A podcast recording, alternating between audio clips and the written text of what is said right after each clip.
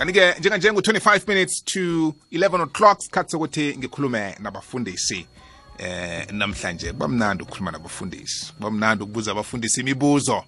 Eh bahlala bachumayela bahlala bachumayela. Ngoba ichumayela ukhona ukuyijamisa. Mfundisi nakasepulpit apha chumayela chisa eh akhuluma ukhona ukumjamisa. No no mfundisi kujami ngikuzwe uthi konje kuthi ukuthini awukhoni. Kufanele umlisa aqede. Manje kuleli hlelo kumnandi ngoba eh ngiyakhona-ke mina ukuthi ngithi no mfundisi khe sibuyekeze lapha eh bowuthini? Yebona iba mnandi nayinjalo. Ngikhamba nomfundisi uBJ Hlumbane 7 day adventist. Ngikhamba nompostoli uChris wakwankosi. Eh mkrestu bakrestu bobabili. Kuhle kuhle. Angazi navane bahlukana ngayiphi indlela abakrestu abana babaningi kangaka. Eh eyuthi baningi amakrestu na? He ya bonke amakrestu. Eh kodwa nomnye uzakutshela ukuthi no mina esondweni lami senza nje. Hey mina esondweni lami. Ngizibuza ukuthi kanti isondo lakazimu liphi? Eh nasibabantu nasele sinamasondo wethu. Eh senza zethu izinto. Liphi lakazimu engengilo lodwa elenza into eyodwa? Na? Eh ngelinye ilanga liza kufika. Akhe ngibalotshise ngikhulume nabo. Nawe wamukelekile mlaleli. Uzosithumela lakho ihlangothi ngekhulumo yethu yanamhlanje. Bona uyizwa njani nemibuzo zabanayo namaphuzu othanda ukuthi uwaveze ngaphambili. Inomboro yethu ye-whatsapp ithi 079 413 2172 inomboro yomtato ngu-089 120 7667 angithome ngomfundisi ubj hlumbane. Maranatha mfundisi. Imaranatha bobo. Ngithi maranatha nakubalaleli ekhaya. Ngithi ujesu uyabuya msinyazana konje ukuthi maranatha kutsho ukuthi inkosi yeza. Kusho ukuthi inkosi iyeza. Inkosi isendleleni bakwethu iyeza. Iseduze. Izo izokulanda ibandla. Izolanda ibandla layo. Manje nasibaningi kangaka amakrestu omunye asekonzwe nakho noma sekonzwe na ngiliphi lelo bandla lelo? Heyi kubuhlungu bobo ngombana ivesi ithi kutsho yena ujesu uthi akusibo bonke abathi inkosi inkosi kimi. Heyi abazawungena embusweni wezulu. Hey. baphela ngilabo abenza intando kazimu ya. Manje noma singaba baningi kangangani. Ya.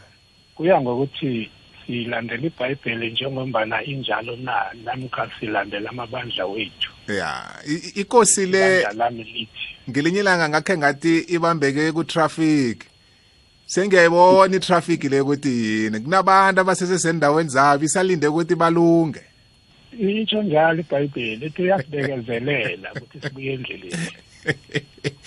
Abantu aba- kodwa sobhe umusa ungapheli Oh. ngombana umu- umusa uyavala musa lo uza kuphela uzakuvala umusa lo. Masewuvalile uzavalelwa ngaphandle. Ma ubona izinto ekade zenzeka ngomkhumbi kanowa ya. Ya umkhumbi wavalwa mabathi nowa sivulele ah, kwabe sesikhathi sesikhambile. Mfundisi siyakwamukela siyathokoza ukuze iphimbo lakho. Angilotshise umpostoli unkosi. Umpostoli ngiyakulotshisa ebizweni lenkosi yethu ujesu kristu. Bobo egameni likajesu ngilotshise kuwe ngilotshise kumfundisi. Ngithi maranatha mfundisi.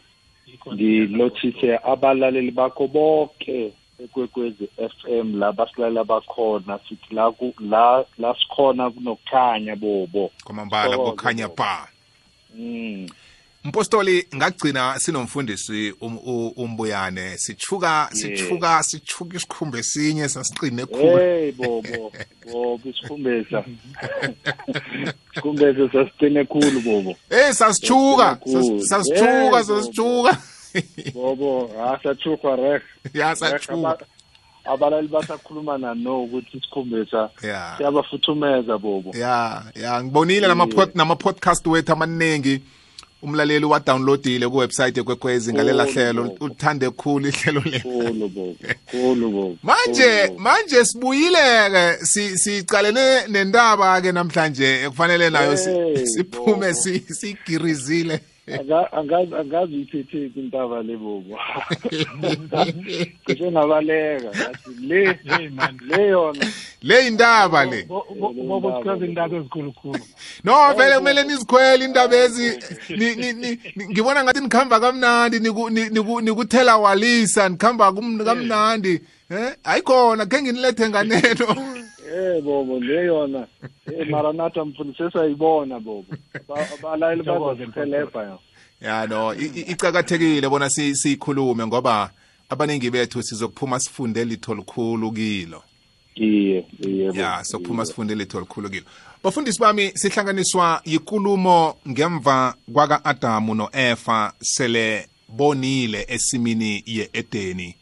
Badle isithelo uzimu athe bangasidli emthini ophakathi.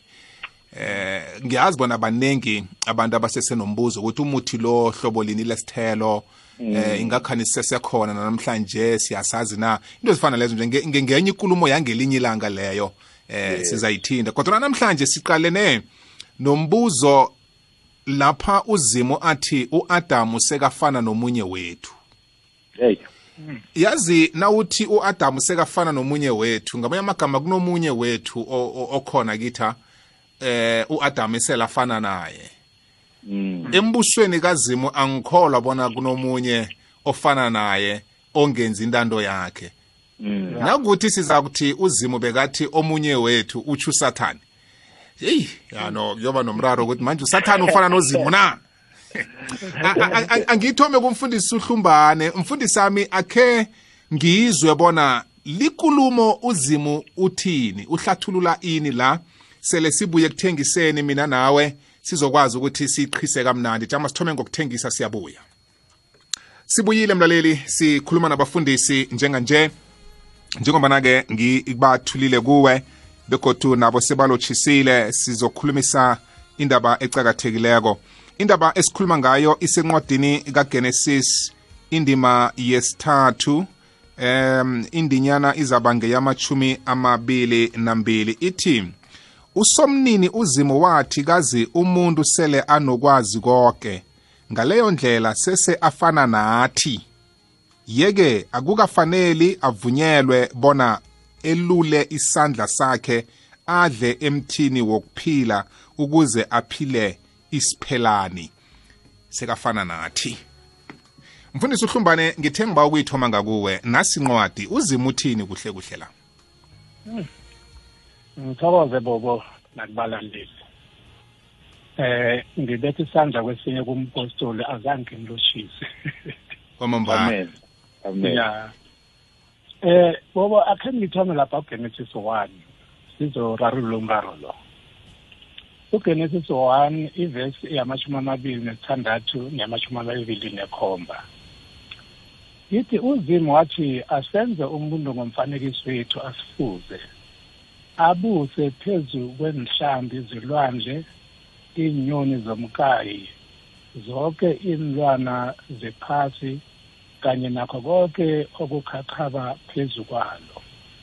Yeke uzimu wadala umuntu ngomfanekiso wakhe. Umuntu waba mfanekiso kazimu wadala owembaji nowengubo ngithoma lapha ngamaboma ngombana ngale ithi umuntu fela fana nathi Mm. kodwana ngapha ithome yathi uzimu udale umuntu ongumfanekiso wakhe Mm. mawuzalelela zimbili izinto ngapha mfanekiso kazimu Mm. mfanekiso isithombe Mm. Mawuthethe isithombe lo muntu osesithombeni ofana nawe bobo. Kodwana uma ngimcalile ngithi ngibobo kodwana akusinguwe ngiphethe isithombe sakho. Mm. la uzima ukhuluma leyo ukuthi umfanekiso namkha udalwe ngomfanekiso kazimu kodwana ngale uthi sengomunye ofana nathi. Emva kokuthi u-adamu sekonile. Mm. u-adamu namkha uzima makabumba umuntu la makathi ungadli emthini loya ngombana lokha udlako namkha mhla udlako uza kufa nokufa. Kusho ukuthi wayefundisa umuntu ukulalela. Akusimuthi loya obulalako. Into ebulala umuntu ukungalaleli ngombana isono ukungalaleli. U-adam into begada ayazi ukuthi uzimu uthe ungadli lapha. Kunento begada angayazi ene uzima akakayikhulumi la ku-adam u-adam bekangazi ukuthi usathane sekamoshile ezulwini. Begada angazi bona u-adam u-efa sorry usathane sekamoshile ezulwini lokhu abizwa ukuthi ulusifa begada angazi ukuthi ulusifa sekungusathane sekehlele ephasini. Yinto bekade angayazi. Into bekayazi ukuthi uzima uthe zingadli lapha ngiza kufa nokufa. Ileyo bekade ayazi.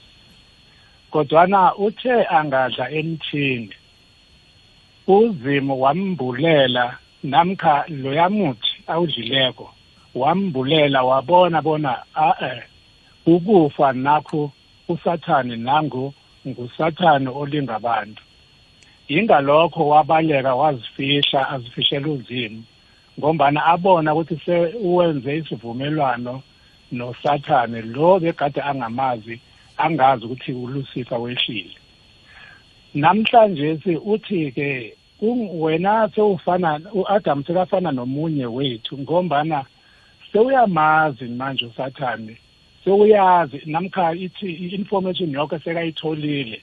Uzima zange nje abambathise abakhiphe esimini yase-edeni abatshele lapho abashiye lapho. Wabatshela yonke into ngosathane ukuthi lo muntu onimoshisileko nangu nangu.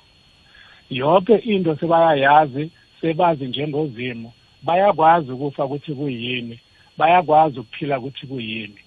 Into ekade bangayazi enye ukuthi umuthi loya mase udlile yini ongayenza ukuthi ungafi? Bebangazi.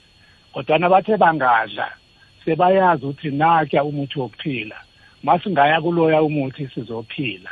Ingalokho uzima wathumela ingilosi yavala ukuthi bangayi kuloya muthi wokuphila ngombana ngathana bawudla loya wokuphila amanga kasathane bekazaba iqiniso ngobana bebangekhe bafe.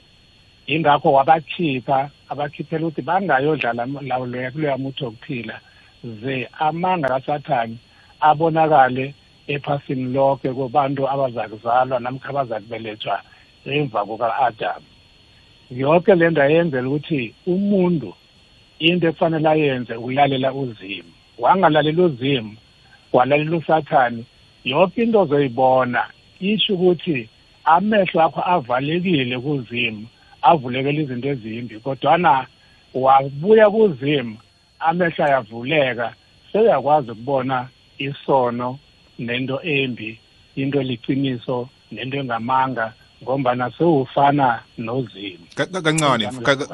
Ya ibambe lapho mfundisi ngiyathokoza jama sithengise siyabuya. Sibuyile sirakela phambili.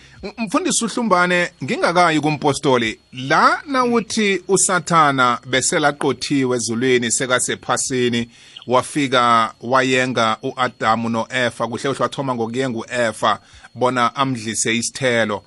Um ngamanye amagama uzimo nakathi u-adamu sekafana nomunye wethu. Usathane ufana nozimo ukhuluma no-adam akakhulumi nosathane.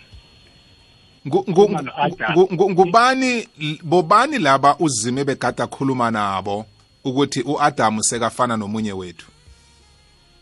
Uzima phela angithi ibhayibheli lithi ekuthomeni ubegade khona ulizwi. Ekuthomeni ubegade khona umoya ocwengeleko then kube nguzimo uzimo sonke isikhathi makakhuluma ukhuluma nendodana akhulume nomoya ocwengileyo makathi sebafana nabethu ukhuluma nalaba bantu ababili indodana nomoya ocwengileyo kunelinye ivesi bengifuna ulifunda bobo. Kancane mfundisi ujama ungakayi evesini leyo. Uzimu nakathi u-adamu sekafana nomunye wethu. Bekakhuluma nendodana nomoya ocwengileko. Manje u-adamu nakuthi ufana no, no, nendodana nomoya oqwengileko kuba yini kufanele abonakale njengomuntu okungakafanele afane nabo? Ngoba evesini othome kiyo yokuthoma bekamfanekiso wabo. Umraro ukuphi naselafana nabo? Ma uzwe lokho angihlathululako ngithe into egade bangayazi uLucifer ukuthi sekangusathani sekehlile ezulwini. Into kade bangayazi. Ingalokho uzimu uthi sebayakwazi okuhle nokumbi ngombana usathane ulethe into embi ephasini. Incwadi kaJohanesi i-chapter yaka-8 ivesi yaka-44 uthi uJesu makakhuluma nabantu abafuna ukumbulala nithi nina ningabakayihlo usathane ngombana nithanda ukwenza umsebenzi kayihlo. Uyihlo wayengumbulali wabantu kwasekuthomeni begodwa ungumqambi wamanga. Makakhuluma amanga ukhuluma into yakhe ukukhuluma into kungeyakhe ngamanye amazwi mawenza into kazimu ufana naye. Mawenza into kasathane ufana naye. Manje Ka- ka- ka- o- kancane mfundisi uhlumbane kancane. Izosichiya ngifuna ukuthi si- silande kabuthaka kunepentenye lapho engifuna ukuthi ngiyibone ngibathe ngiyayiphumbutha ngiyibone. Uzimu ukhuluma lokhu abantu bangakandi ephasini. Iye. Kusesengu-adamu no-eva ngokuya ngokwesithombe esisakhelwa libhayibheli. Mm. Uthi sebafana nomunye wethu Mhm. engicabanga bona kulokha sele usathana aqothiwe ephasi ezulwini sekasephasini Mm. okunguye usathane obenzise lokhu okubenze bona bafane nomunye wethu uwethu lo omunye wethu lo abantu aba siyakhona ukusibona isithombe ukuthi kunozimu kunomoya oqwengileko kunendodana kunosathana kuno-adamu kuno-eva abantu aba siyakhona ukubabona. Yeke nasele bafana nomunye wethu okungusathana obadosele ekutheni bafane nomunye wethu izokubuletha umbuzo othi ingakhani usathana lo? Uyafana nebandla lakazimu na? Uzimu asebenza nalo. Okunguye obangele ukuthi uAdamu noEva bafane nebandla lakazimu. Uyayibona ukuthi ngizama ukuyiletha njani ngiyakuzwa bo ya ngifuna siyibambe kuleyo pentele siyithole ukuthi ingakhani siyavumelana nabona selusathana aqothiwe. Nanyana sekasephasi na enza wakho umsebenzi azenzela wona yena. Usafana nekambiso yezulwini ngoba ubuye ezulwini. Umuntu wezulwini uyazazi izinto zezulwini. Yonke into yezulwini uyayazi. Ya uya, uya- uyafana nabantu bezulwini. Ngoba konke kwenzeka ezulwini uyakwazi. Ngaphambi kokuthi sizokuragela phambili ngamanye wamavesi esizawakhuluma siwabonisane ngawo. Kodwana-ke net la ekuthomena siyavumelana ukuthi usathana uyafana nozimu. Eh angikavumi bobo. I- i-translation e- e- e- e- ekungiyo ayithi uSat- u- u- u- Adam sengomunye ofana nathi. Ithi Adam sengomunye wethu ayithi ofana nathi. Mm, munye wethu. Mayithi ngomunye wethu akafaka usathane. Uzimu uzifaka yena nomoya ocengileko nendodana. Le owatsho ukuthi usathane yiye uyakwazi ezulwini uyayazi yonke into yasezulwini. Mm. Mase usukile entweni namkha usukile eqinisweni awusasingwalapho awusana awus- angisasimntwana walapho ngoba ngisukile ngihlubukile ngaphuma ngasula lapho Mm. angisasimuntu walapho Mm. iye eh ipendulo yokamfundisi ngayo amagama ithi uzimu nakathi uAdamu sekangomunye wethu Mm. uAdamu sekazi lokhu uzimu bekade u- uzimu- uAdamu angafuni ukuthi akwazi? Iye. Ukwaziswe ngubani uAdamu lo? A- a- a- a- uzimu siya- ngoba siya- azange amnikela ilwazi lelo. Ya.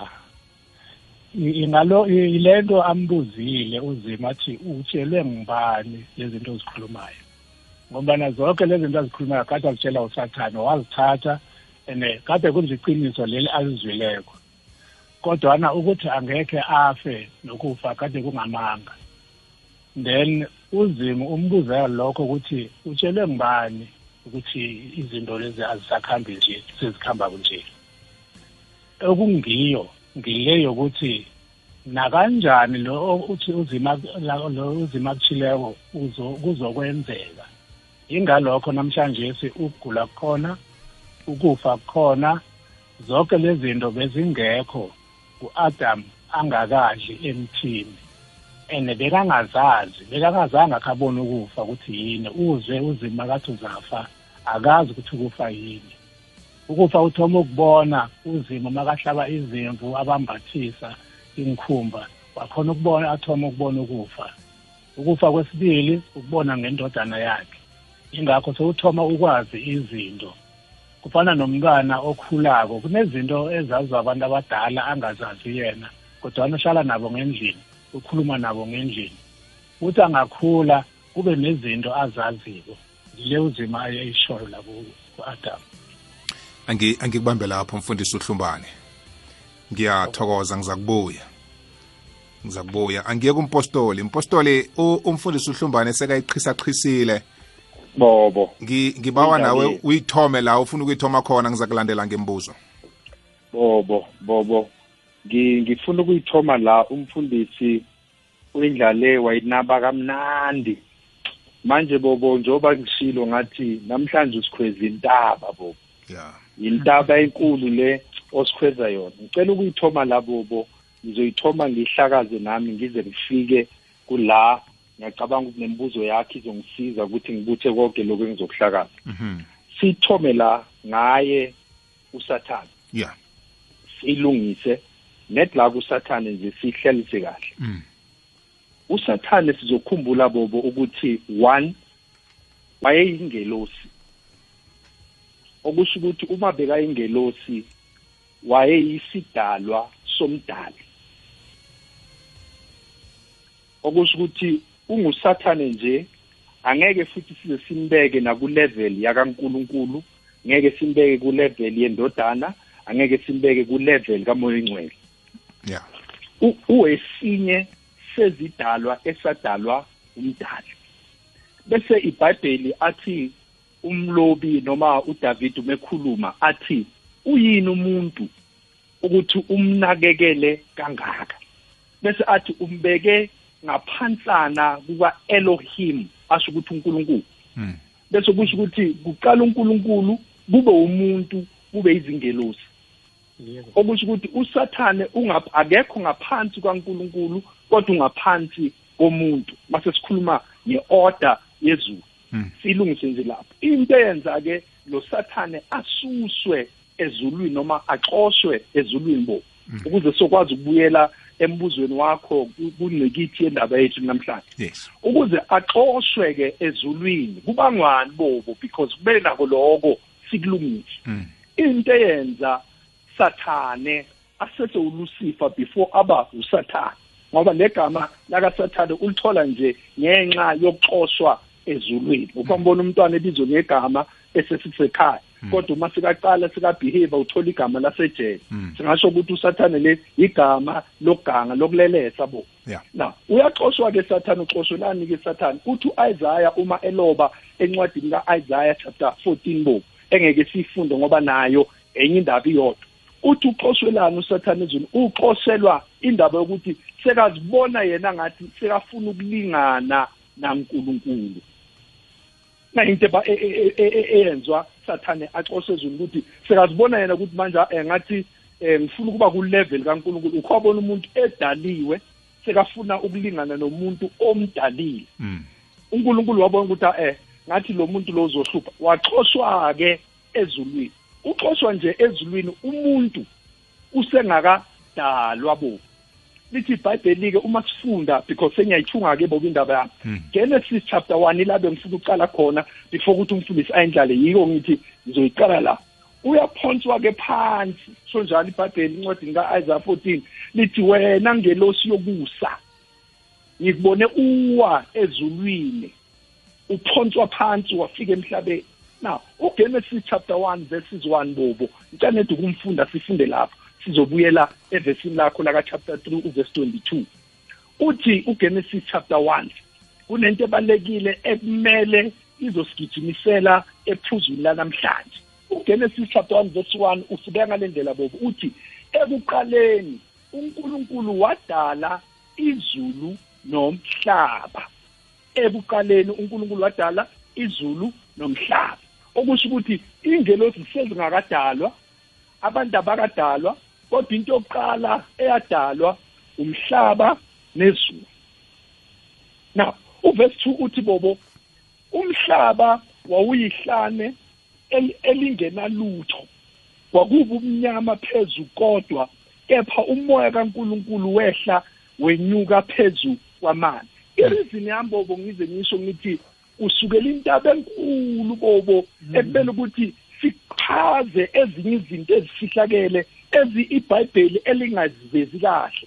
Kodwa ngenxa ukuthi sinethubanyana elincane bobe sizolisebenzisa sizame ezinye sizihlolise kodwa ngenxa yesikhathi angeke sikwazi ukuziveza zonke.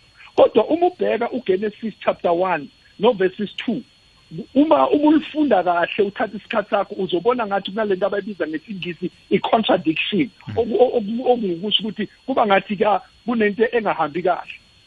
Uverse 1 uthi uNkulunkulu wadala izulu nomhlaba eh eh full stop. Bese uverse 2 ithi umhlaba wawuyihlanu nobumnyama okusho ukuthi uNkulunkulu udala njani into eyihlane udala njani into e, enobumnyama now ila sekungena khona ukuthi uNkulunkulu uyawudala izulu nomhlaba 1 usathane ezulwini ufuna ukuphikisana noNkulunkulu ufuna ukufana noNkulunkulu. uNkulunkulu uyamxosha ezulwini. Uyamphosela phansi emhlabeni awakhile. Ispeed noma iforce noma amandla awangawo asuke ezulwini washaya lo mhlaba omuhle washayeka waze waba ihlanu wagcwala ubumnyama ngenxa yokuwa kwakhe wawela kulento enhle uNkulunkulu bekayakhile then verse 2 usathane sekawisiwe emhlabeni sekawumoshile umhlaba ngenxa yokuwa kwakhe. Bese lithi iBhayibheli umhlaba wawuyihlane elihlanga elingenalutho kwakunobumnyama phezulu kodwa kepha umoya kaNkuluNkulu wehla wenyuka phezulu kwamanzi ila sesiqala khona ke because ilento le umfundisi ayivezile ukuthi kunobumnyama kunobubi obabukhona emhlabeni obalethwa ubuwo kasathane emhlabeni.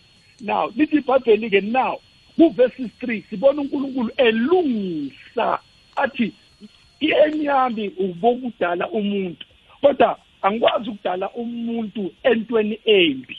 Ila sesibona kuverse 3 lithi ibhayibheli uNkulunkulu sekalungisa umhlaba. Ulungiselani imhlaba kaNkulunkulu? Ulungisela uAdam noma ulungisela umuntu ukuthi umuntu angamdaleli entweni emoshakele angamdaleli emhlabeni omnyama angamdaleli emhlabeni osonobugcwele bumnyama kuphela? Sibona uNkulunkulu wenza i-reconstruction and development wenza i-RDP yomhlaba obosomosho usathane. Uyawulungisa kumhlaba uyawulungisa bobo. Ngenxa yokuthi isikhathi sethu angeke sisivumele usichaze yonke into. Sigijime-ke bobo ulungisile unkulunkulu umhlaba ufakile amanzi ufakile izintaba wafaka utshani wafaka iy'hlahla kwaba kuhle emhlabeni. Unkulunkulu wazibuza kwathi manje uma sekunje wathi lo mhlaba sengubona sowumuhle that's why lithi ibhayibheli kulamavesi athi awu kuhle kuhle. Yabona? Kusho ukuthi manje unkulunkulu seyamchaza-ke le nto sekayilungisile umhlaba sowulungisile athi manje sesingamenza-ke umuntu ngomfanekiso wethu. Sathane nengelosi akuthiwa ngumfanekiso kaNkuluNkulu mara uNkulunkulu manje lento esengiyenzile sesingamletha kumuntu endaweni enhle. Yamthatha umuntu uNkulunkulu umbeka emhlabeni omuhle ubeka emhlabeni onayo yonke into. Umuntu akazi ke njengoba umfundisi ayishilo ukuthi akazi into eyenzeka ezulwini. Akazi ububi kasathane akazi nokuthi lo mhlaba sekawubona sowumuhle u-adam no-eva ukhe wamosheka. The only thing ayaziyo ukuthi umhlaba muhle. Secondly ke bobo siyilungile ngishilo ngathi intaba le bobo kodwa sizoyizama sikhwele kancane kancane kancane size sifike la sifika khona. Nomlaleli uzohamba naye. Nawo bobo kimi nawe nomfundisi nabalaleli bonke abasilalele. Uma uNkulunkulu edala umuntu. uAdam.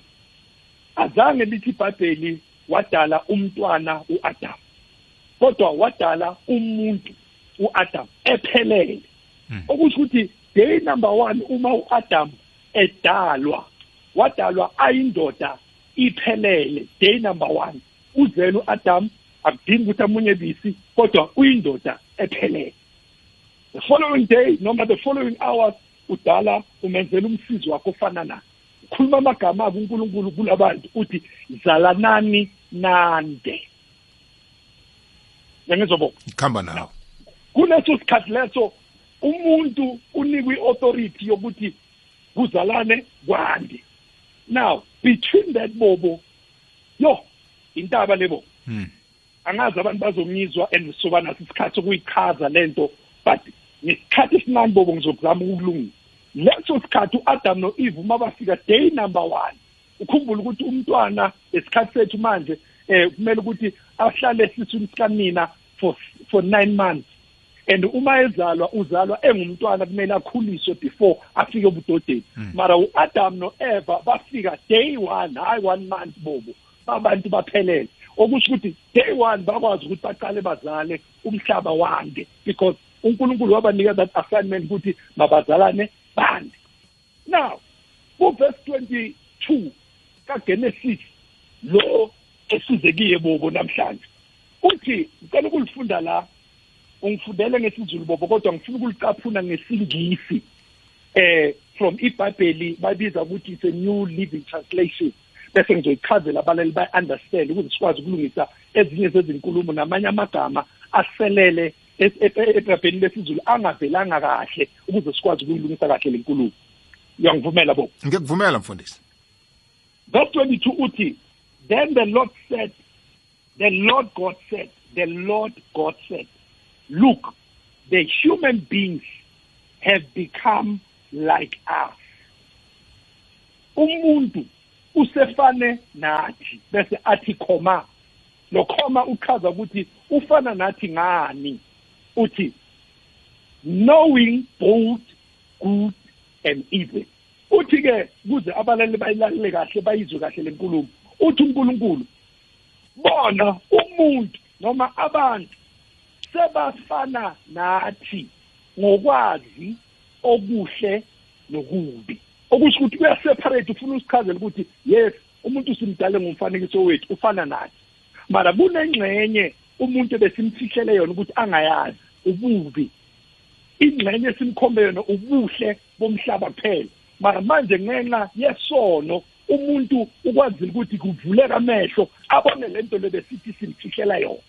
Ibambe lapho mpostolo kancane siyabuya ibambe lapho siyabuya. Mlaleli ungathumela iphimbo lakho inomboro zethu zivuliwe. Mlaleli ikhorona ngumabhubhisa. Ungakholwa ngokubona akho ukholwe nangokuzwa. Hlamba izandla ngaso sonke isikhathi uhlale ekhaya. Kazi babantu ababhubha kwaba. Ngingusimuzi wabatshabana sibuyile mpostoli singaragela phambili. Yes. Uthi uNkulunkulu umuntu now sikamdalile ngomfanekiso wakhe. Now ithi ibhabhelana uNkulunkulu uthi uthi seka sekazi ububi nokuhle and thina umuntu simdala ukuthi simkhombe okuhle phela. Ngiyathanda bobo ukuthi senze imizekeliso ezokwazi ukuhlala engqondweni zabantu ukuze bazi ukuthi sizama ukuthi le nkulumo ibe lula kuwonke umlaleli azoyiqonda i-understand ngenxa yesikhathi. Le ntaba sizozama sikhwele bo. Now uma umntwana ezalwa bobo. Thiwe umpostoli uthole umntwana womfana innocent child.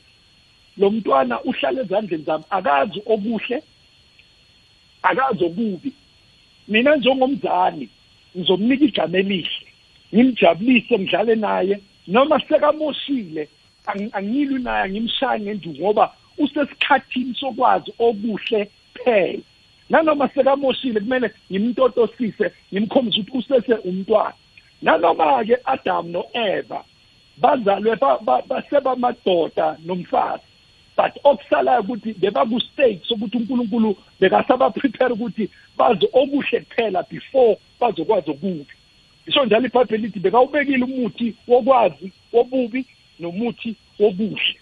Ibambe lapho kancane impostoli kancane. Ngifuna ukuletha elinye ihlangothi ukuthi lingasalele emuva. Sele bakhona uAdam noEva ephasini ihlangothi lobumbi elenzekileko lokuqothwa kwaka Lucifer waba ngusathana wawele ephasini besele likhona. Uzimu usalifihlile ku-adamu ukuthi u-adamu angalitholi.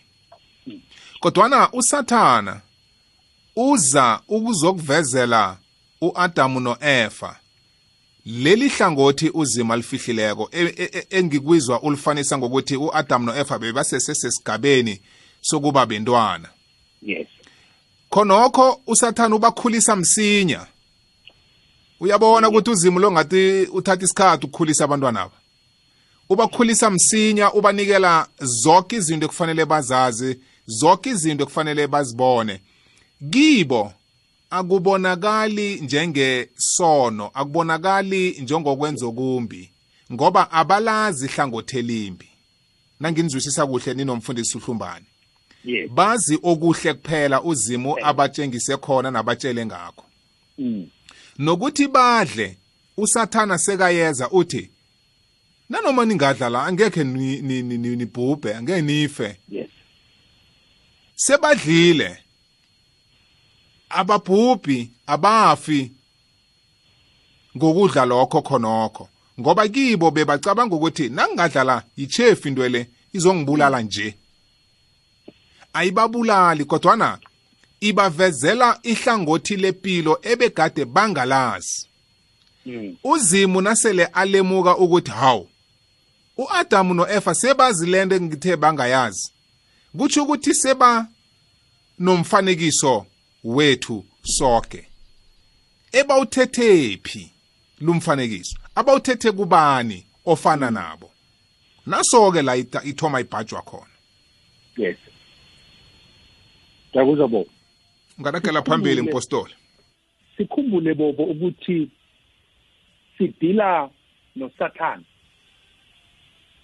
owaye exoshwe ezulwini ebanga isikhundla. Uma ewa inkani nokwata kusesekhona. Impi yakhe noNkulunkulu isesekhona. Uma exoshwa uxoshwa usachubeka neassignment ukuthi uNkulunkulu ngihlulile ezulwini. uNkulunkulu ungithumele ngengelosi ezulwini ngizomkhomba uNkulunkulu ngizoya kulabantu bakhe athi uyabathanda abadalwe ngomfanekiso wakhe. Because impi enkulu phakathi kwethu nosathane eh bobo nabalaleli. Into ebangwayo nje eh, usathana sibangisa yona usibangisa lento yena ahluleka ukuba nayo ngoba thina sakhiwe ngomfanekiso kaNkuluNkulu yena uyisidalwa sakaNkuluNkulu mara esinganamfanekiso kaNkuluNkulu. So uthi uma sibheka usathana mbheka umuntu abheka uAdam abheka uEva anyanya nciphe bobo. Athi yey naba labantu laba abathethe le position. Ebengiyifuna mina wathi wathi ukuze ngikwazi uku-achieve igoli yami ake ngiye ngiyobakhohlisa bobo why ngithi usathane uma fike u-eva wamkhohlisa? Asigijime seku seku-chapter 3 eh sifunde uverse 4 uthi inyoka yathi kowesifazane azange ithi lesihlahla lesi eh si- ni- nizofumana isidla mbona umkhohlisa uthini. Uthi inyoka yathi eh kowesifazane anikufa nokufa. uNkulunkulu utheni nizofa. Mara usathane uyamkhohlisa kumuntu uthi a eh ladlala uNkulunkulu anikufa nina. Izwani mina ngintshela uthi kepha uNkulunkulu uyazi ukuthi mhla nizidla kuyakuvela amehlo enu kuyavuleka amehlo enu. Mm. nibe njengoNkulunkulu nikwazi okuhle nokubi. I- i- ibambe la ibambe lapho umpostoli ibambe lapho. Azange uzimu yena ngokwakhe aphendule athi sebafana nathi. Ngemva kokuthi sebadlile? Yes. Ngifuna ngifuna ngifuna siye lapho bo. Usho uzimo uphendula exactly as you are saying. Mm. kodwa itrick la ukuthi usathane uzama ukuthi kube uNkulunkulu obulala.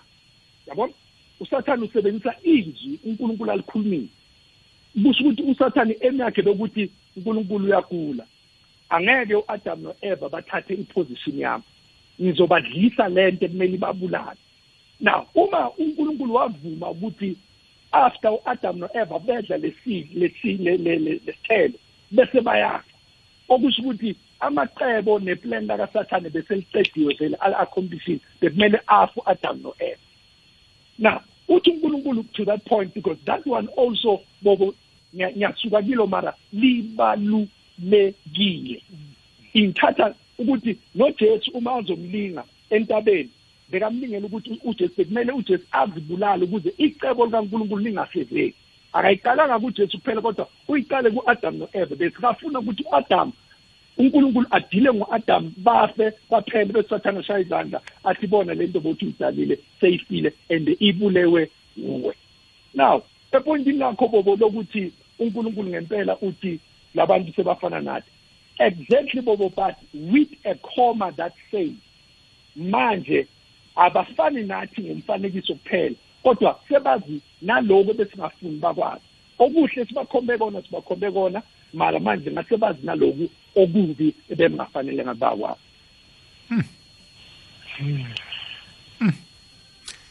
ya hey ya no ibdisi. Ngishilo bobo ngathi intaba le yabona ukuthi ziningi njani zile ya no ibdisi ibdisi akhe ngizwe umfundisi uhlumbane. Mfundisi nako ke usathana ubakhohlisile wathi no uzima uyazi ukuthi niyokufana naye. Uzima uyaphendula ku-22 uthi seka umuntu sekafana nomunye wethu. Sekafana nathi umuntu sekafana nathi. Ya lokhu kukodwa akusivezeli ikambiso yokuthi kwasathana esimbiza ngosathana uyakwazi ukufana nozimu namkho ukuzifanisa nozimu. Ya. Ngoba ngithanda nalokhu naniboleka kwamanye amavesi nami ngivumelani ngiboleke. Boleka. Bobo isizathu sok- so- sokuba budisi kwempilo yakaJobe. Usathana waya ezulwini wathi kungiboleke yena. Mm uzimu wathi no khamba kodwa nongawuthindi umphefumulo wakhe. Yes. Usathana wenza konke ukuthi uJobe aphike uzimu uJobe azange alamphiki uzimu wajama rwe ekuthembekeni kokuba inqeku kazimu. Manje kuba yini ngiletha isibonelo ngencwadi yakaJobe le? Ukuthi nasiza ukuthi uzimu nakaphendula athi uAdamu sekafana nathi. uAdamu ufana nathi nobani? Mhlawumbe uAdamu sekafana nosathana namkho Adam sekafana nozimu nendodana nomoya oqwengileko. Ngubani lo kuhle kuhle selafana naye? Mfundisi uhlumbane. Ya kukhona ubudisi engibuthoyele bobo bengilalele nje umfundisi akhuluma ya kuyakhuphukela hayi kuyakhuphukela Yabona- ya ngifuna masifunda incwadi ka uEzekiel u28 kula ikhuluma khona ngosathane emakalahlwa ezulwini ukuthi Mm. ulahlwe nini Mm. ulahlwe njani Mm. wenzeni ya ya and then bengithanda bobo ungifundele yona from uEzekiel 28 uverse 14 15 16 gcine ku-17 Ngi- ngiyayiphendla mfundisi. Eh ikhamba kabuthaka. Incwadi kaEzekiel ngithi i-28 28 verse 14 15 16 and 17 ya angazi bona ukhona oyiphetheko ngapho na? I ibhayibheli lam 15 sifundo verse 1 mfundisi uthome ku-14 ugcine ku-17 wawuyikherubi eligcotshiweyo elisibekelayo. Ngakubeka waba sentabeni engcwele kaNkuluNkulu. Wahamba phambi kwamatshe omlilo. Wawuphelele ezindleleni zakho kusukela osukwini lokudalwa kwakho waze wafumaniseka ukungalungi kuwe ngob- ngobuningi bokuthenga bokuthenga kwakho wagcwalisa ngobudlova wonile. Ngaloko ngakulahla ungcolile entabeni kaNkuluNkulu ngakucitha wena kerubi elisibekelayo. Ungabikho phakathi kwamatshe omlilo. Inhliziyo yakho yakhukhumala ngobuhle bakho wonakalisa ukuhlakanipha kwakho ngokukhazimula kwakho ngikulahlele phansi ngikubeke phambi kwamakhosi ukuba akubone. Ngithokoza mfundo sami eh ngiya kuleya nto engizwe umfundisi athi usathane walahla u-adamu angakadalwa. Yikho ungizwa ngithi kuthoma ukhuphukela. Eh iBhayibheli lingitshela ukuthi kuGenesis 1 iphasi libunjwe ngamalanga alikhomba kwaphelela konke. Eh ukuphelela konke kusho ukuthi nomuntu. Umuntu udalwe ngelanga lesithandathu. Ilanga lekhomba kwaphunyulwa. Usathane makazofika ufika umuntu bekakhona ephasini kungani ngisho njalo? Ngibuyela khona le eh kuGenesis uchapter 3 lapho umuntu sekathoma awela khona esonweni bobo. mhm ukuze sihlathulule siyize uGenesis 3 eh ngibawa ningifundele kusukela kuverse 16 sigcine ku-19 incwadi sigcine ka ku-18 incwadi ka Genesis. Genesis wesithathu um siyithoma kubani? Ku17 eh ku-16 ku16 ithi yona emfazini uzimu wathi ngizokwandisela ubuhlungu ekuzithwaleni kwakho. Ubelethe ngobudisi obukhulu. Uzakuchisa uzakuchisakalela indoda yakho kodwana yona izakubu izakukubusa. Endodeni uzimu wathi njengombana ulalele umfazi wabe wadla emthini engakwalela bonyana udle kiwo. Ihlabathi seyonakelwe ngebanga lakho. Imihla yonke yempilo yakho uza kusebenza nzima ukufumana ukudla kwakho kiyo. Kodwana iza kuvezela ameva nabosotokololo bewudle imila zommango. Ngithokoze bobo la kubonisa ukuthi ihlabathi ithome ukumotsheka mhla u-Adam uzimu amcalekisa namkha ameswaya. Kodwana sonke isikhathi ihlabathi kade iyihle leya nto mfundisi athi ihlabathi kade iyihle kade iyihle emva kokuthi iceda ukudalwa kwabe ku-Adam. Kodwana ithe u- i- usathane angafika uLucifer a- alinde u-Adam no-Eva. Yathoma uzimu wayicalekisa nephasi nayo wayeshayo wathi seyizathoma ukuveza ameva uza kuphila budisi impilo yakho yonke kula kuthome khona ukumosheka iphasi uma usathane seka a- adurise u-Eva no-Adam. Konke okwenzekako phakathi kwaka-Adam no-Eva no-Satan ukuthi uSatan akaz- akakazeli nephasini. ku-Ezekiel webe kade simfunda azange azele waqothwa ezulwini. Mawufunda isambulo i- i-chapter 12 ithi kwaba khona ukulwa hlangana nengilosi zakajesu nengilosi zakasathane. Uthe angahlulwa usathane azange indawo yakhe isatholakala ezulwini waphoselwa phasi. Akakazizile uphosele. Nakafika ufikela esimini yase-edeni uyazi ukuthi kunenkosi elapha ngombani into ayibangako ubukhosi. Wazikhukhumeza afuna ukulingana nozimu afuna ukuba nangaphezu kwakazimu ngombani uthi kwezinye ingilosi ngizakwakha isihlalo sami esingaphezu kwakasakazimu kulo ezekiel 28 ucoshelwa leyo nto azange azizele ucoshiwe. Makafike ephasini ulithola lilihle iphasi. Ukufa kungekho isono singekho ugula kungekho indlala ingekho. Makafikako yena umosha iphasi.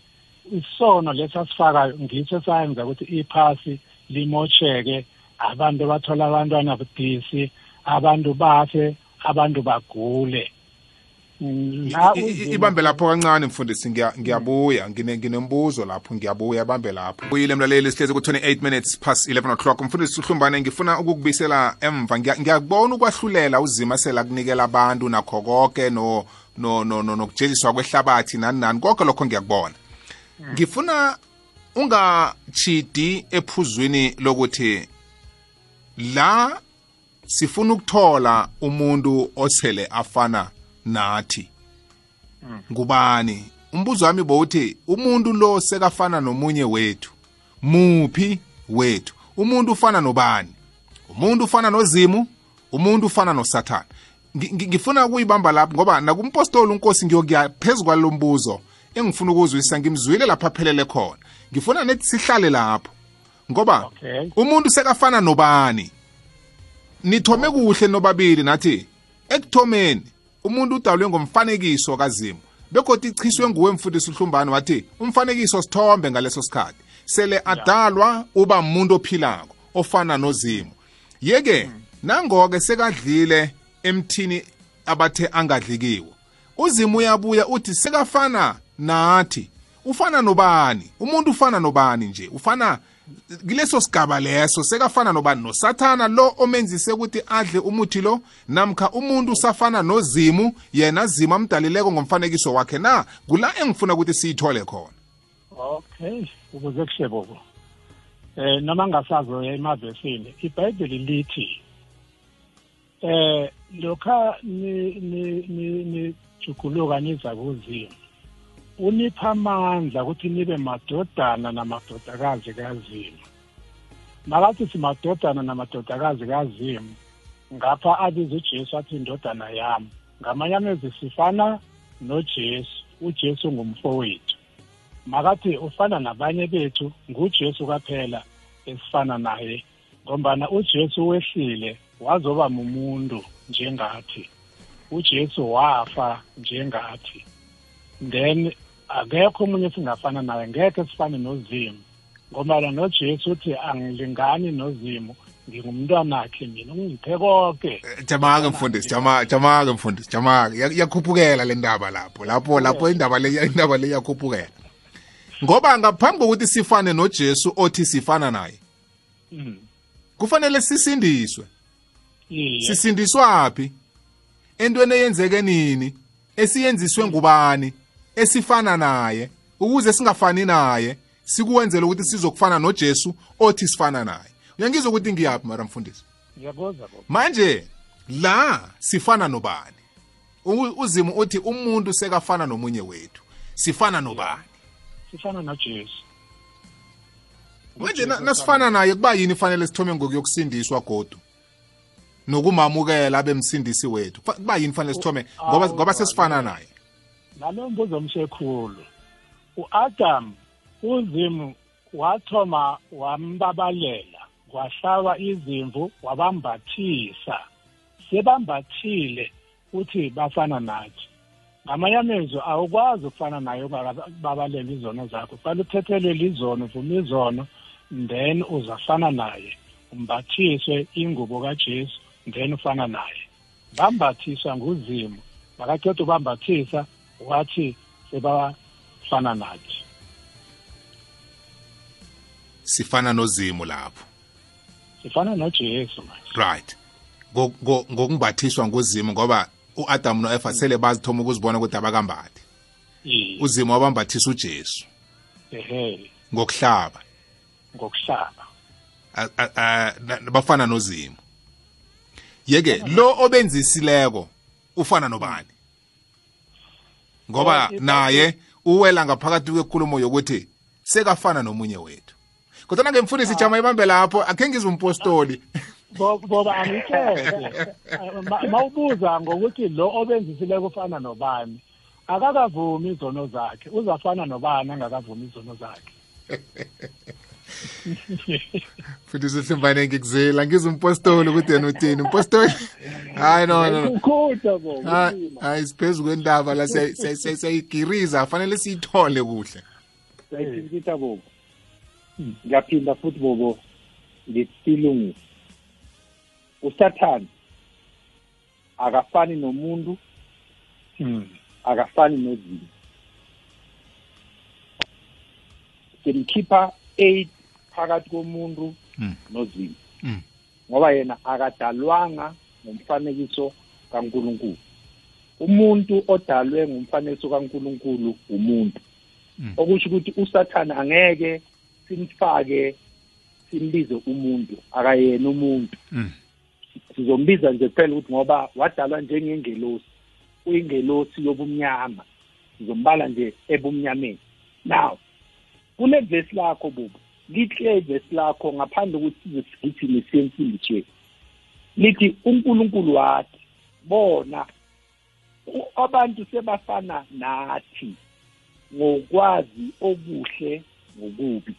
Okusho ukuthi unkulunkulu indaba ayikhulumayo akakhuluma ukuthi um sengikhuluma ukuthi umuntu simenze ngomfanekiso wethu. Uthi mara ngenxa yalesenzo abasenzile sebanolwazi noma sekunengxenye yethu esebayaziyo.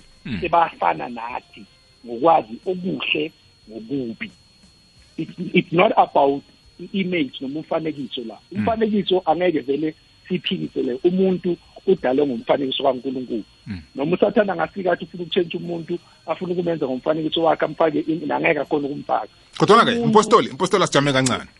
Yes. umuntu nasikhuluma ngomuntu asikhulumi ngalo mzimba womuntu yindlu le umuntu ahlala ngaphakathi kwayo. Yes. Right? Umuntu ummoya yebo. Yeke kutsho ukuthi umoya womuntu uchugulukile sowufana nomunye wethu. Ubani? Ngoba ngoba sa- sa- sa- sathatha isithombe sokuthi eh sidaluliwe ngomfanekiso kazimu siyokuhlala e- embonweni wokuthi namkhe sithombeni sokuthi ngo- ngokomzimba. Manje umzimba lwasi uthathe subekele ecadapha umzimba siyawubona umzimba womuntu kodwana umuntu ngilomoya ophila ngaphakathi kwalo mzimba Yebo. Lo moya obekade kumoya wakazimu uzimu awenze ukuthi ufane naye. Usukile ekufaneni naye. Sowufana nomunye wethu muphi? Angifuni bobo ukuya kule kule bathi iwa ongisakile. Ngohlala kule vesi okuyivesi esikhulumela phezu kwayo u22 bo ukuthi la uNkulunkulu aka aka akayichange inkulumo yokufana komuntu ukudla komuntu adle lesihlahla akuyiguqulanga i-image yomuntu.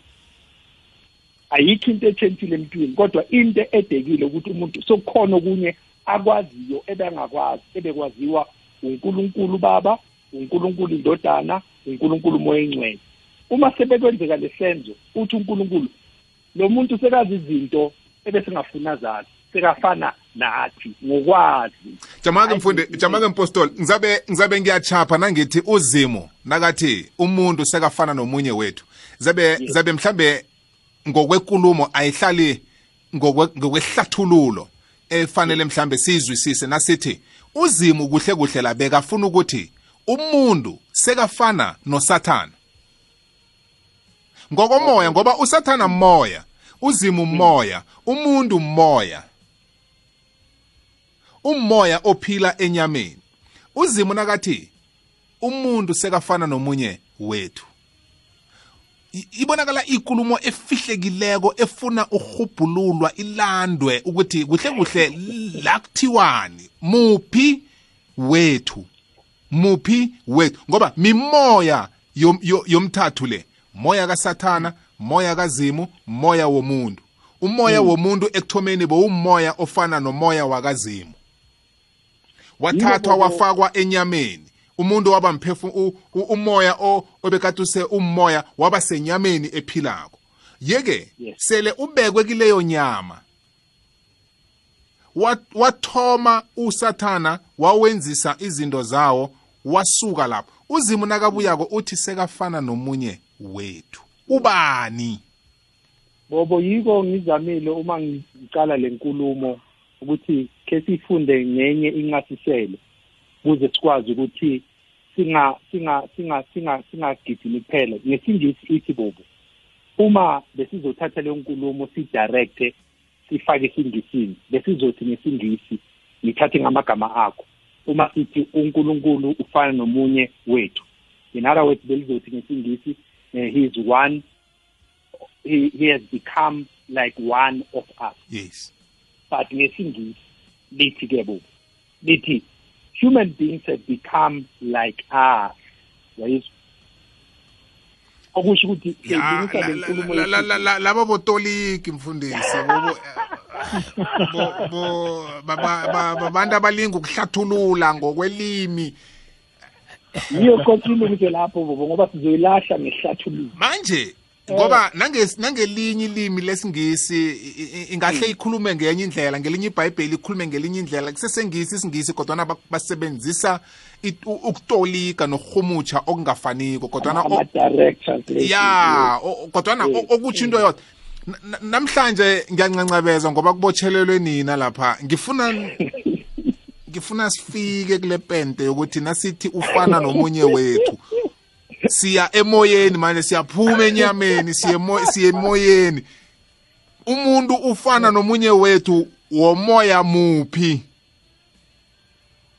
Yayibona asikwazi-ke yes bobo nyakuzwa mara asilungise asikwazi ukuthatha usathane sekaxoshiwe ezulwini. Simfake sithi usese dibi munye nonkulunkulu. Ukuxoshwa kukasathane ezulwini kusho ukuthi sekum-excludile kumkhiphile kule qembu lakankulunkulu.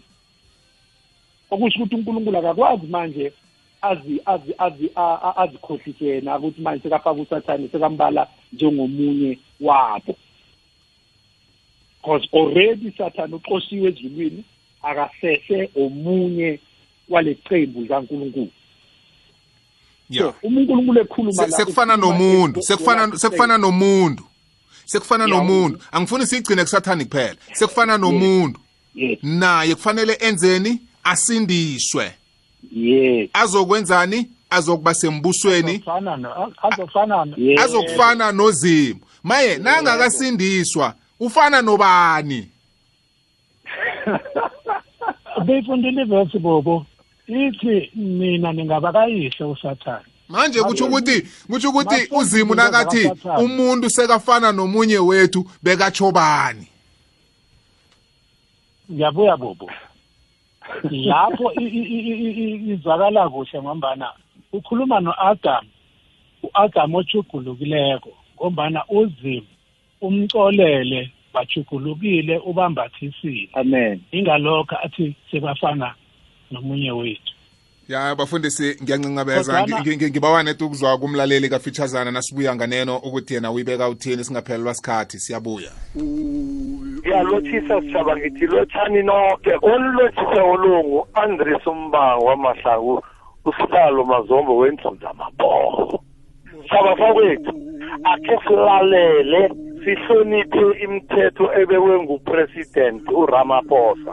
Akadlali usindisa impilo zethu nezulwane zethu nabantu bethu abaningi sibona sebabanja amapholisa phambi kwethu amadoda amakhulu negenganetsha ngathi iditshe etshwaleni esportini la sekuthengiswa utshwala obuthelwe impiriji niselipoison bakwethu akhe nizihlogomele nakunemingcwabo asilalele naseqa emasumini amahlanu. Seyazi ukuthi sizokubotshwa. Asifaneni sonke sihloniphe isikhathi esi into le izokudlula.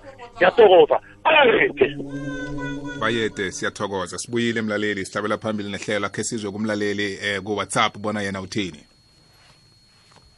Eh locha bobo David Akwande. nomfundisi umpostoli nomfundisi uaphane lapho kwekwezi FM nomlaleli bekwekwezi FM ha.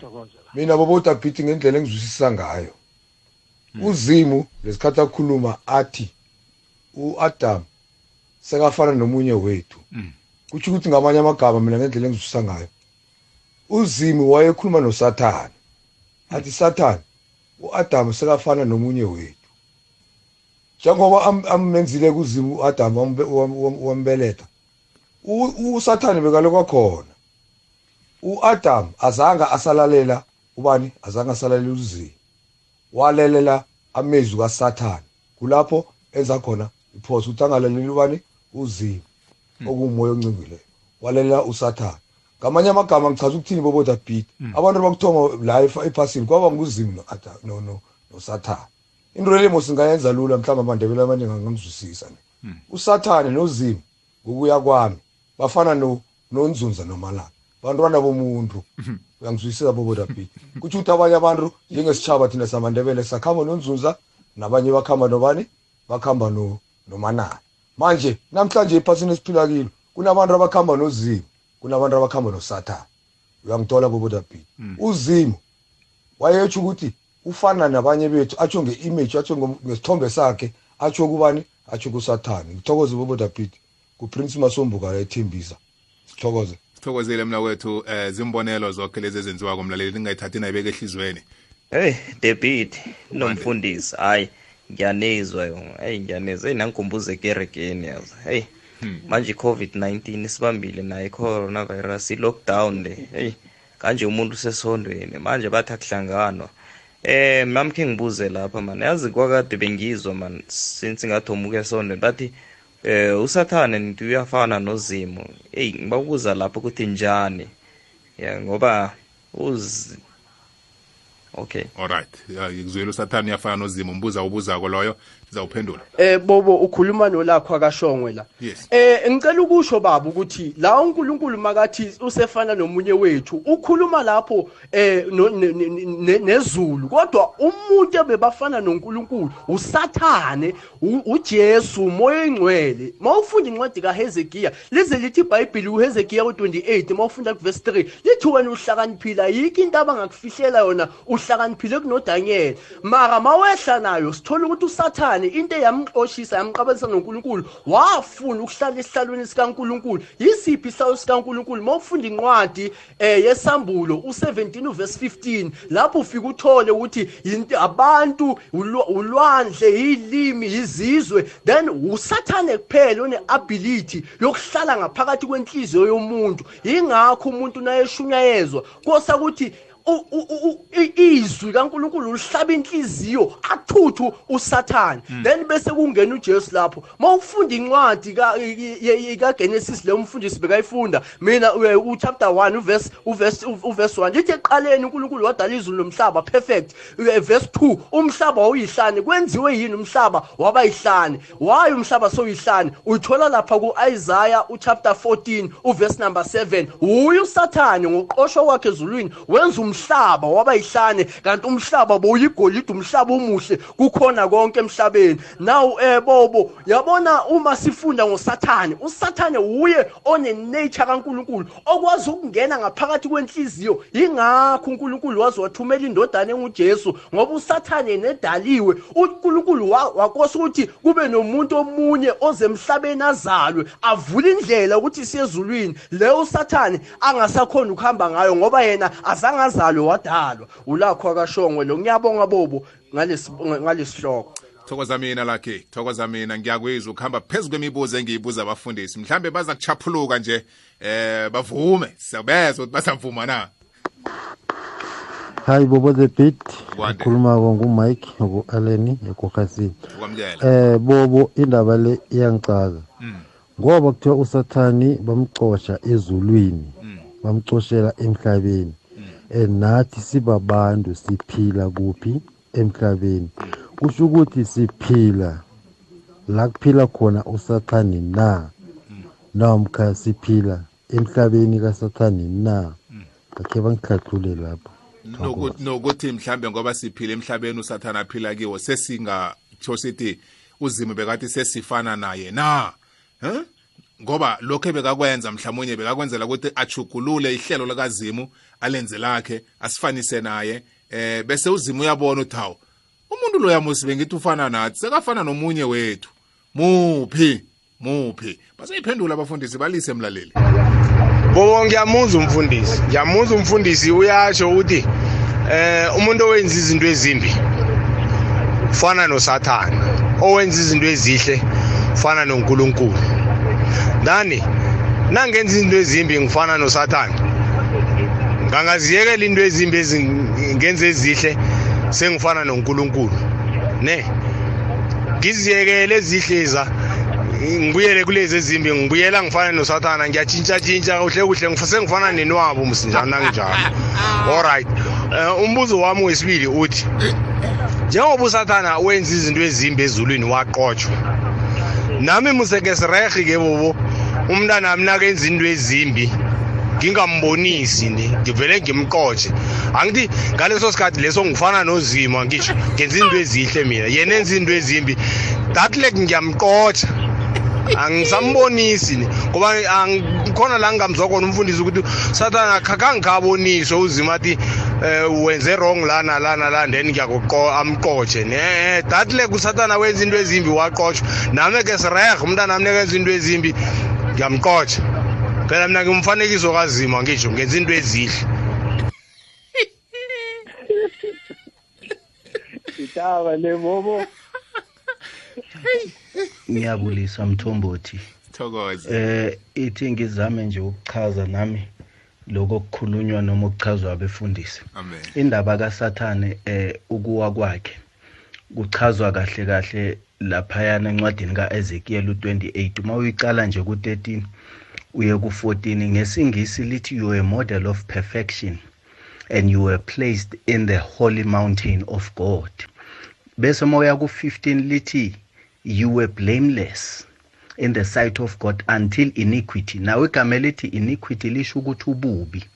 Usathane wathola kwatholakala ububi nodisono but now umbuzo usekuthenini uba mubi kanjani esebukhoneni bukaNkuluNkulu? Na uNkulunkulu makasidala akasidalanga njengamarobot.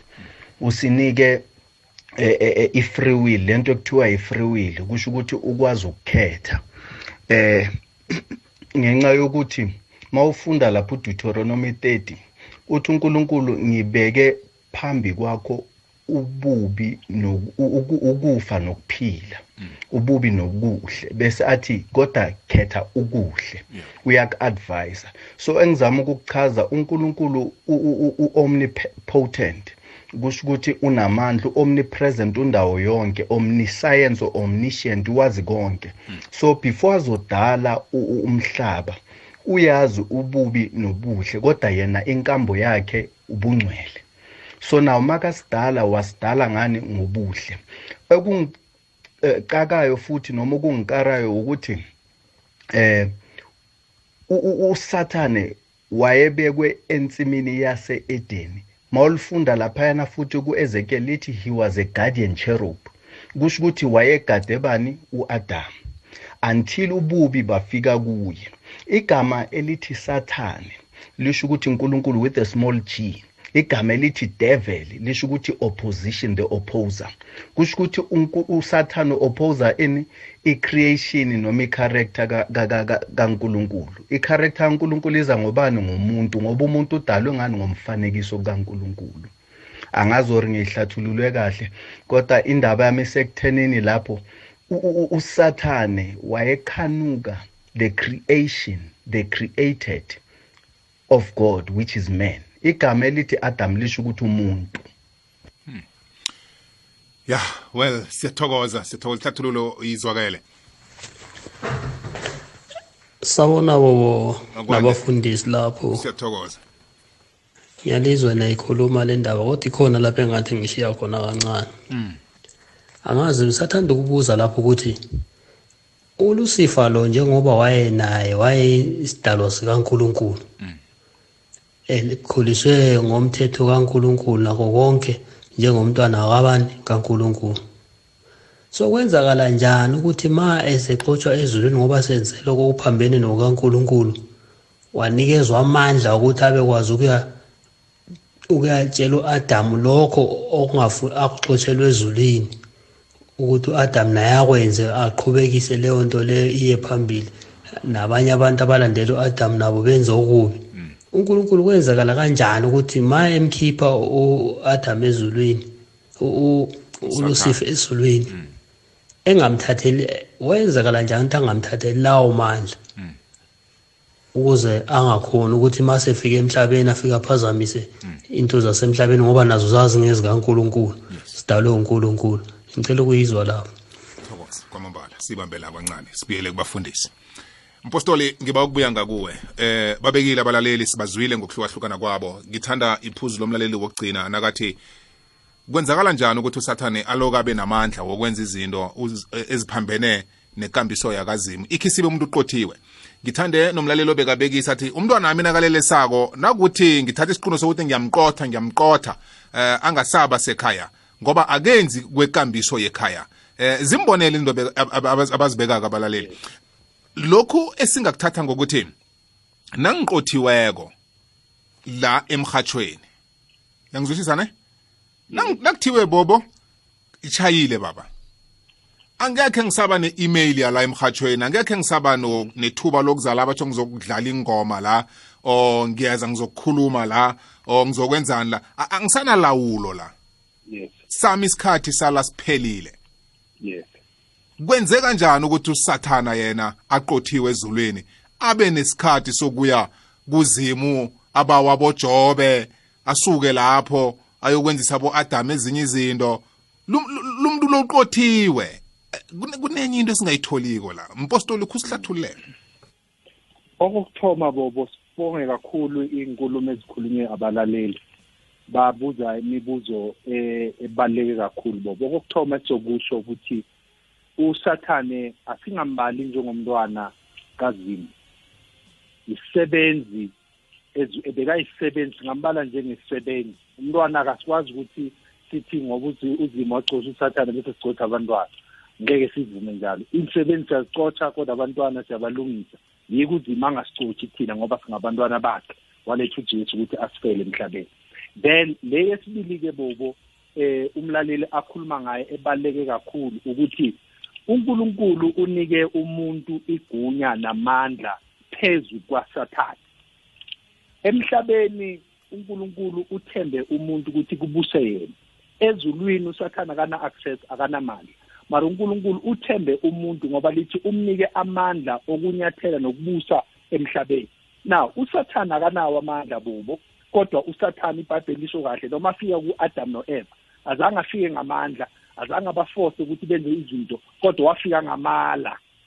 Silungise lapha akanamandla kodwa unamala. Ngiyacabanga aba- abalaleli bakho bangizwa-ke manje. Unamala. Ufika namala athathe ibhayibheli alikhulume isimala akhulume amanga. Bese abantu benze lento ephambene nezwi likaNkuluNkulu bese ngenxa yokuthi benze lento ephambene nezwi likaNkuluNkulu kube kube kube sebenzisono basifaka eh ukuthi kube uNkulunkulu obaphanishayo. Hayi ukuthi usathana onamandla so kubalekile ukuthi understand ukuthi usathane akanawo amandla kodwa usathane inkosi yamanga. Ugcwele amanga ufika ngokukhohlisa uma qeda ukukhohlisa abantu bese abantu benza okuphambene nokwaNkulunkulu bese bona baba society eli wrong la kaNkulunkulu bo. Mfundisi uPJ ngithokoze bobo. Eh wonke umuntu uyanikelwa ithuba lesibili. Ingalokho kunomfanekiso owenziwa ama-Israyeli ukuthi u- umthetho bekuthi umuntu makenze isono ubulawa ngamatshe ukhanda ngamatshe abulawe ngaleso sikhathi. Kodwana umuntu ithi ibhayibheli bekathi makenze isono omunye abaleke kunendawo kade kubalekelwa kiyo. Makafike kuleyo ndawo angekhe basambulala ngoba yindawo esho ukuthi uyazisola uvile- uvikelekile. Abanye bebabalekela esondweni. Angangena esondweni abasambulali.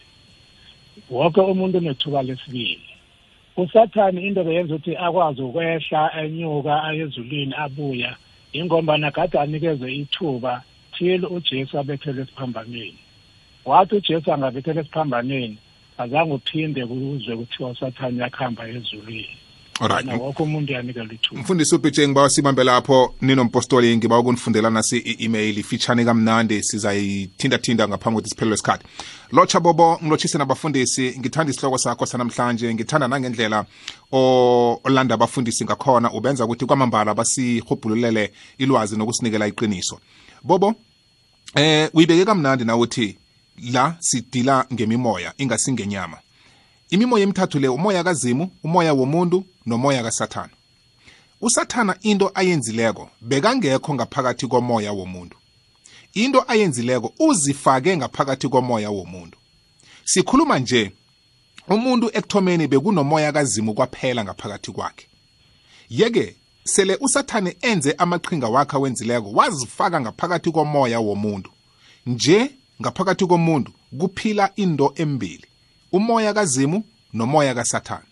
Kodwana umoya ozokuba namandla emntwini ngilo umuntu azowukhetha bona ufuna bona kube ngiwo ophila ngaphakathi kwakhe. Nawukhetha umoya wakasathana bona uphile ngaphakathi kwakho uzokwenza ikambiso le afuna ukukwenzisa yona. Wakhetha ukuthi umoya kazimu kube ngiwo ophila ngaphakathi kwakho kuzokuphila umoya kazimu. Kungakho uzimu athe umuntu sekafana nomunye wethu. Ngamanye amagama mimoya le esele ihlangene iyodwa ngaphakathi komuntu. Umuntu uqalene nemoya wokhetha wakazimu namkha wakasathana mpostoli ungathini ngale email? Ihlathulula kamnandi bobo. Ayifuni ukonwa. Inamandla bobo.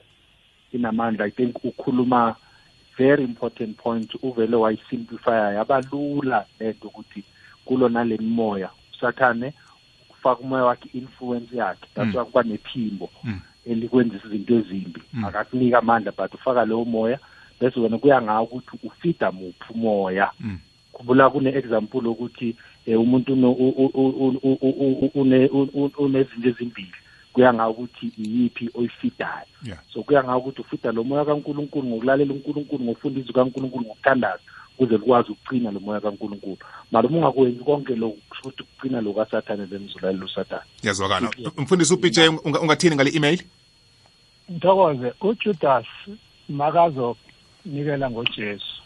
Lithi eBhayibheli wangenwa usathane ngamanyelezi umoya kasathane wangena. Umoya kasathane mawungena wakazimu uyaphuma. Ingalokho wathi ungangena umoya kasathane waphuma uJesu akashiya lapho nabafundi wakhamba sonke-ke bangangena umoya kasathane abanye ikereke sayishiya abanye sibuyele entweni zethu ngoba nakunomoya ongenileko. Kwangena wakazimu siyazishiya izinto ezimbi sibuyela kuzimu. Thokoze. Bafundisi ngithokozile. Ibe budisi ukukhuluma namhlanje kodwana ngiyacabanga ukuthi ayipheleli la sizokuhlangana khona. Ayipheleli la eh namhlanje Intaba le, vele Bobo. nisabile ukuvuma ukuthi usathane ufunile ukuzenza ukuthi umuntu afane naye. Sibonile ukuthi usalapho boba ngeke eh no lapho boba iqiniso usathane vele yonke into ayenzako ufuna sifane naye. Kodwana uzimu usenze ukuthi sifane naye. Akakwazi ukujikisa ya ngithokozile eh singalayelisa emakhaya ngithome ngakuwe mpostoli bobo sithokoze kakhulu ithuba sinike lona sibonge futhi nakubalaleli bakho uzimo abe nathi asilonde mabahlale njalo baziphatha kuhle especially kule corona silale yonke imithetho i-government esinika yona sithokoze bo. Kwamambala mfundisi upj ngithokoze bobo ngithokoze umpostoli nakubalaleli.